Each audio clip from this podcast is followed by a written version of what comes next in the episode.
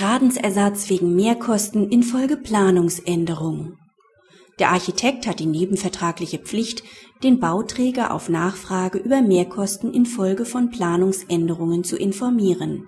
Kommt er dieser Verpflichtung nicht nach und kann der Bauträger die Mehrkosten deshalb nicht an die Erwerber weitergeben, besteht ein Schadensersatzanspruch des Bauträgers in Höhe des die Änderungsplanung betreffenden Architektenhonorars der Architekt verlangt vom Bauträger Zahlung von Honorar für von ihm erbrachte Architektenleistungen.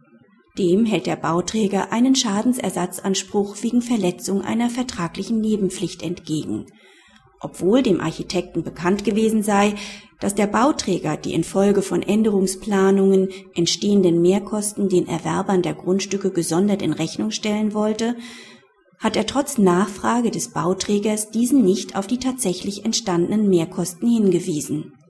Selbst in der Kostenaufstellung, die der Architekt auf Wunsch des Bauträgers erstellt hat, sind in der Spalte Architektenleistung keine Mehrkosten eingetragen. Nach dem Urteil des Oberlandesgerichts Hamm steht dem Honoraranspruch des Architekten ein Schadensersatzanspruch des Bauträgers wegen Verletzung einer nebenvertraglichen Aufklärungspflicht entgegen bei einer konkreten Nachfrage nach den Mehrkosten für Änderungsleistungen besteht für den Architekten gegenüber dem Bauträger eine entsprechende Auskunftspflicht als vertragliche Nebenpflicht. Denn für den Architekten war erkennbar, dass es für den Bauträger von entscheidender Bedeutung gewesen ist, ob ein gesondertes Honorar für die Änderungsleistungen anfällt, welches dieser wiederum den Erwerbern der Grundstücke in Rechnung stellen wollte der Bauträger hat sich auch darauf verlassen können, dass keine Mehrkosten anfallen, da selbst in der Kostenaufstellung des Architekten kein Honorar für eine zusätzliche Architektenleistung ausgewiesen worden ist.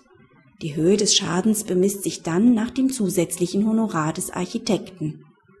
Praxishinweis.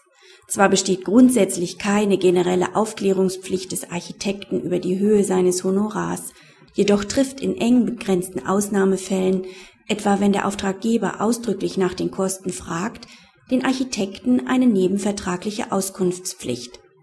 Wie sich vorliegend zeigt, ist dies gerechtfertigt, da die Mehrkosten in Höhe des Architektenhonorars für den Bauträger nicht angefallen wären, wenn der Architekt auf Nachfrage des Bauträgers Auskunft erteilt hätte und dieser die Kosten vertragsgemäß an die Erwerber hätte weitergeben können